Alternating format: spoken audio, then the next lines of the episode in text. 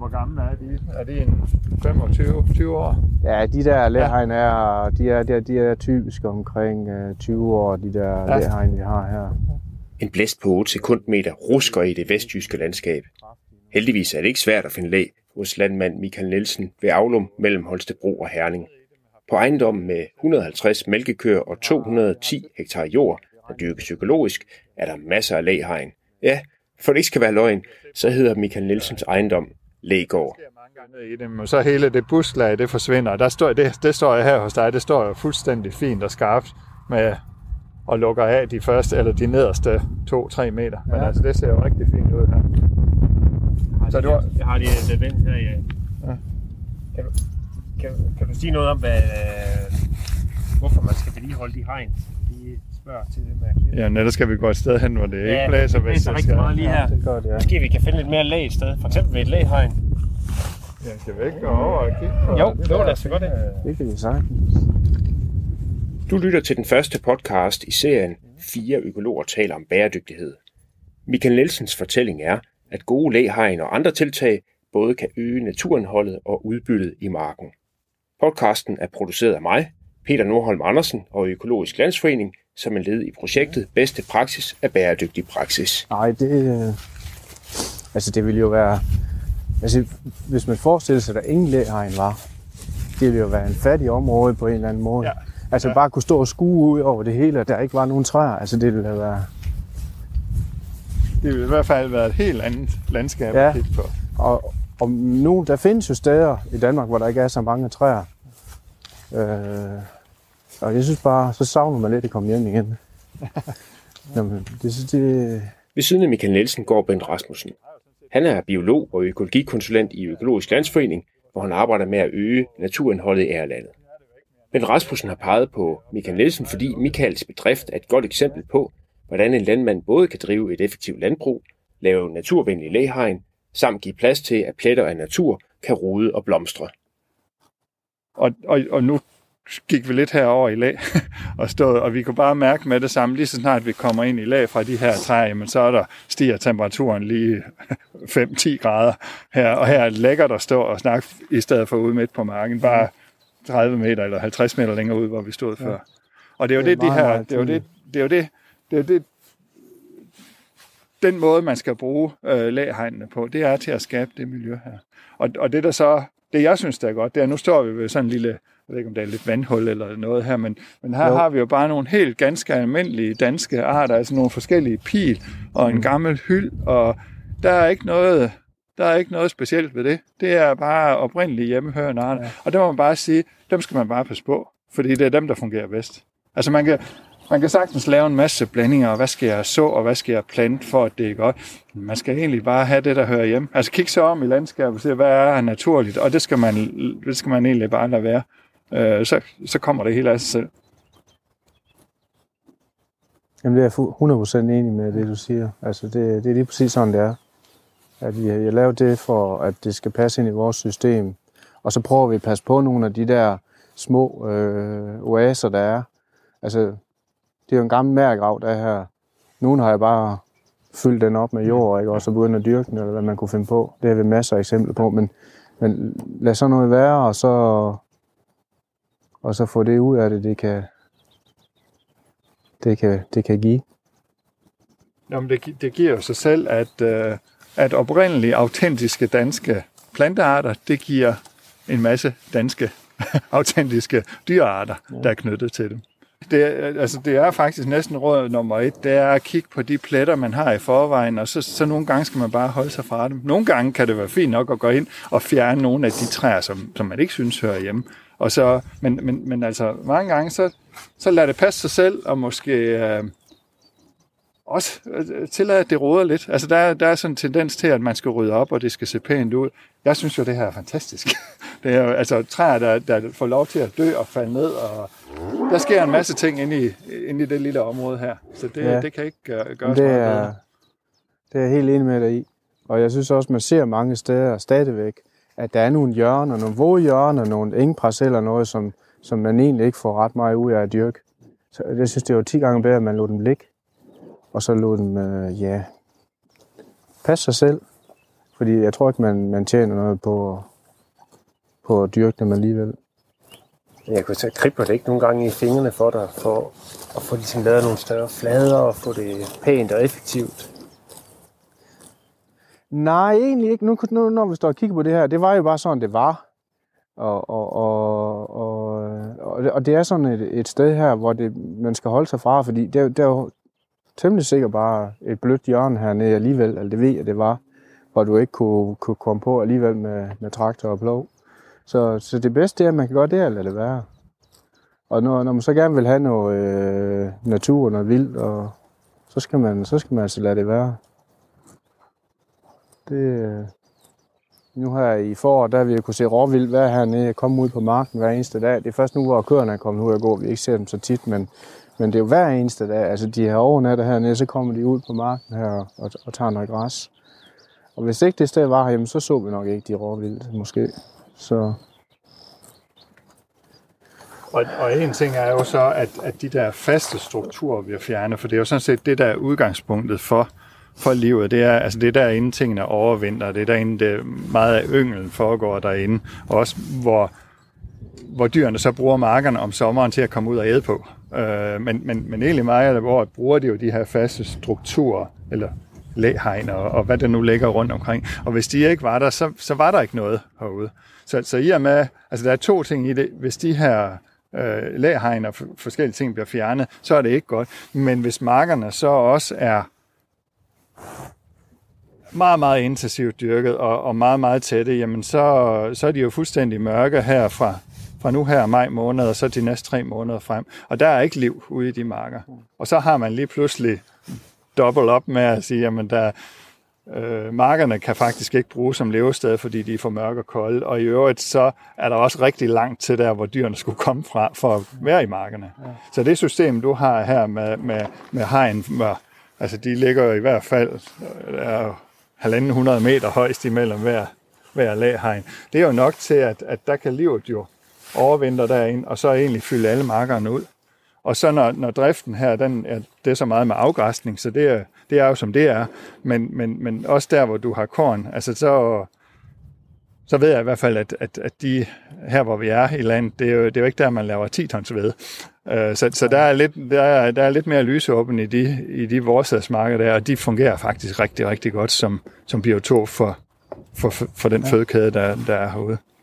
Så snart Michael Nielsen og Ben Rasmussen stiller sig i læ, omringer en flok meget nysgerrige køer de to og Michaels hund. Køerne slikker løs på jakkekanter, hundesnude og journalistens fototaske. Så er det meget nysgerrig de Det er her et skam, du ikke kan få al den der slim og snot med. virkelig også øh, hvad hedder det, lavet kreds omkring os. Og, jo, men de, øh, de lader være med. Og de gør, de gør aldrig hunden noget. Altså, der er ikke noget. Jeg kan se, den slikker dem lidt om mulen, hvis de kommer for tæt på. Nej, der er sådan set rigtig noget. Altså den her, den, vi havde en hund før, den kunne ikke lide at være hernede. Nej, nej. Det, det er jo fordi, den blev jaget ud, da der var valgt der Ja. af nogle kvier, så, så, så var den bange Ja. fra dengang. Ja. Men det er ikke Ja. den her. Det, Nå, men de er jo også lidt voldsomme. så,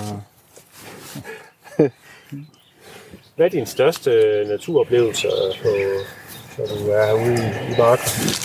det, der betyder mest for mig, når jeg, det er at komme ud, når jeg er ude i naturen, det er at, at høre naturen og se naturen. Nu står vi her, og, og fuglene synger, og lige pludselig så springer der en har, eller løber en fasan, eller flyver en fasan. Det er, altså, det er det. Det er det. Det giver en oplevelse hver gang. Det er det, øh, synes jeg, der, der er godt ved at komme ud i naturen, at, øh, at der er Nej, liv. Jeg, jeg, jeg synes faktisk, det er rigtig godt, fordi øh, jeg, hørte, jeg hørte lige et, et oplæg om, det var så godt nok om bier, men, men, men hvor, hvor, hvor hende forskeren her sagde, jamen, lige pludselig så, så, så blev der en ny norm. Altså, og normen, den er bare ved at blive, at der ikke er en fugl, der synger. Så man lægger ikke mærke til at nu, nu, den her, øh, nu nu burde jeg jo vide, hvad det var for en fugl. en munk, tror jeg, det er. Øh, altså, vi, vi lægger jo egentlig ikke mærke til den, fordi vi er så vant til den, men den er bare ikke en selvfølge. Den er der kun fordi den her lille gruppe, gruppe træer er her. Øhm, og, og, og igen, hvis de her træer forsvinder, så kan det godt ske, at der stadigvæk sidder en derude, men der, altså, når territorien forsvinder, jamen, så bliver der bare færre og færre af de. Så, så, så selvom arterne ikke er, er ved at uddø, jamen, så individerne, de bliver bare, der bliver længere og længere imellem. Og det er egentlig det, der sker for meget af, det, af de arter, der hører til landbrugslandet herude. Og, og det er, at de er stadigvæk og vi kan stadigvæk høre dem synge, men der er bare kun måske en fjerdedel af, hvad der var for 30 år siden. Livet i og ved Danmarks marker er på kraftig retur. Tre ud af fire ærhøns er forsvundet på 40 år. Også sanglærker og viber bliver der færre og færre af. De fugle er indikatorarter. Det vil sige, de tegner et sigende billede af, hvordan naturens fødekæde trives i ærlandet. Spørger man Danmarks Ornitologiske Forening, så er årsagen til det kraftige fald i antallet af ærhøns og viber et intensivt drevet landbrug med brug af pesticider og kunstgødning.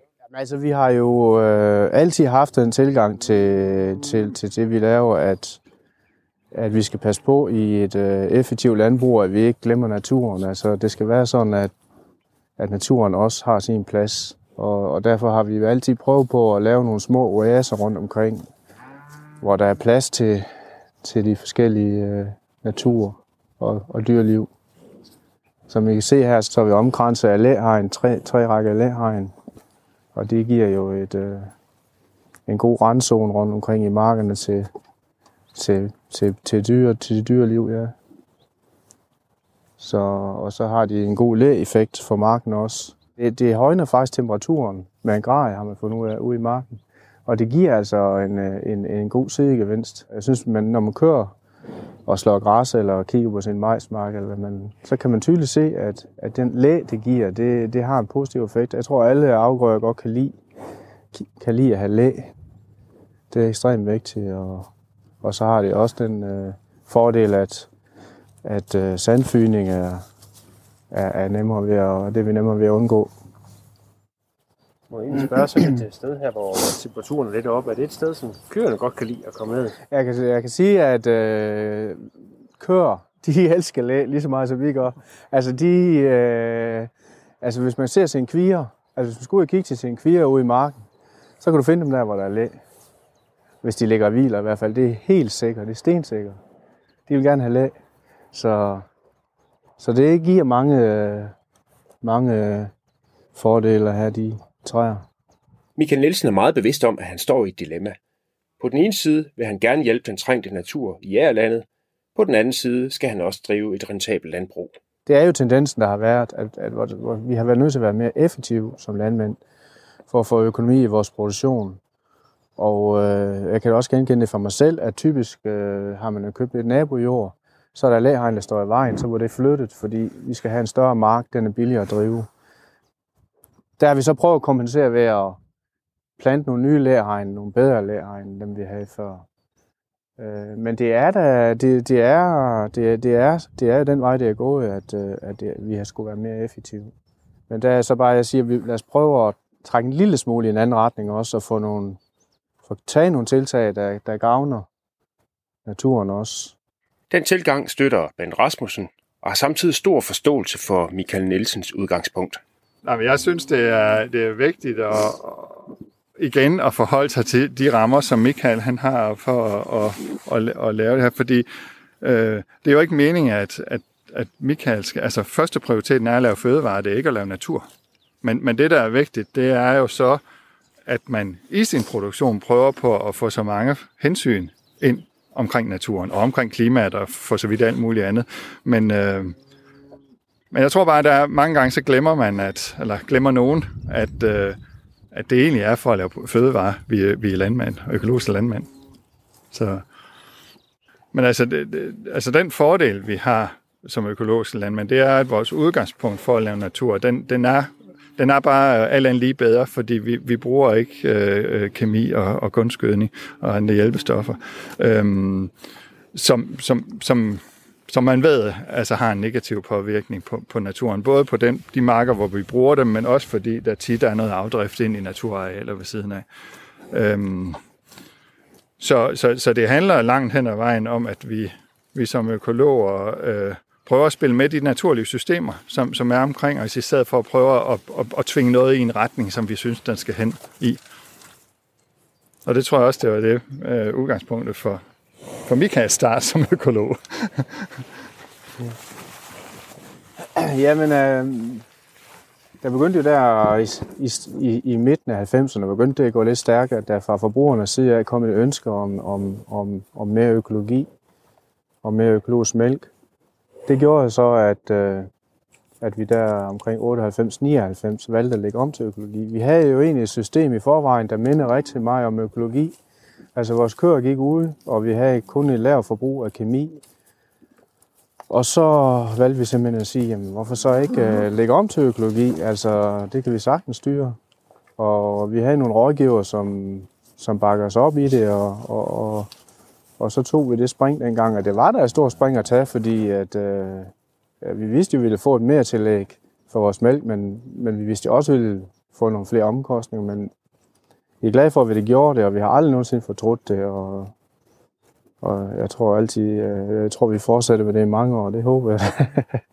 Hvad sagde dine naboer til det dengang? Jamen altså, det vi egentlig tit, øh, især de lidt ældre landmænd, øh, vores naboer, de sagde, at det var fuldstændig tosset. Altså, I kan jo ikke noget i marken, og jeres køer, de kommer ikke til at give noget mælk. Det var egentlig det, vi blev mødt med.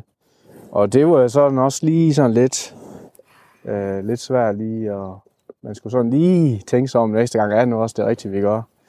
Men øh, det har jo vist sig at være det rigtige. At være naturglad økolog ændrer dog ikke på, at det kan være svært at finde tid og penge til at lave naturtiltag. Jamen altså det, jeg tænker lidt omkring det her med, med natur, det er jo, tit koster natur jo også. Øh, det koster jo lidt at lave det. Og det skal man også, øh, det skal man jo være villig til at ofre lidt på. Og det har vi så valgt at gøre. Øh, men vi kunne så sagtens finde mere at lave, men, men, men, men noget af det, vi har gjort, er jo, at vi har plantet lærhegn, og øh, noget tilskud, vi har, vi har fået til at plante dem. Selvfølgelig skal vi også have en del penge op i egen lomme, men altså, læhegnene giver så stor mere værdi, så det, det er helt oplagt. Ja, så kan man jo sagtens finde andre tiltag, som fagnestriber og, og lade hjørnerne stå. Øh, hvad, hvad tænker du omkring det, med den her investering, der ligger i det?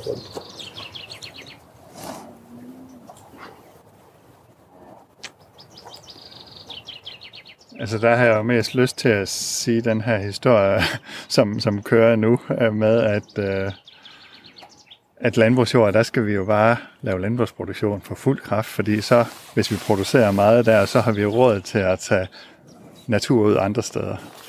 Det er bare ikke det, jeg ser, der sker rundt omkring. Fordi der, der har vi intensiveret i de sidste 40 år, og det er jo ikke fordi, der, der bliver taget ret meget ud rundt omkring. Det er nogle enkelte, øh, som typisk har en jagtinteresse, en anden interesse, som så, så benytter sig af de tilskudsmuligheder, der er at få det gjort, og det, det er jo super godt. Men man må også sige, at, at hvis man kører ud over landskabet, jamen, så er tendensen jo, at, at tingene bliver fjernet. Altså, jeg ser ikke, der bliver taget ud, selvom, selvom der er intensiveret meget.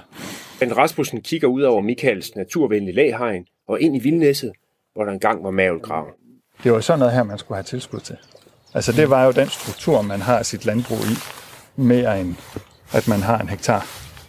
Men øh, det kræver også lige en omvendtning over hos, hos, hos Landbrugsstyrelsen og begynde ja. at, det gør, at indføre det, sådan nogle systemer. Det, det er jo hele tiden, altså, man, altså det er politik, og der er jo bare også, altså, når vi vil lidt mere økologisk, så er der nogen, der vil lidt mere ja. den anden vej. Ja. Ja. Og det er konflikter jo.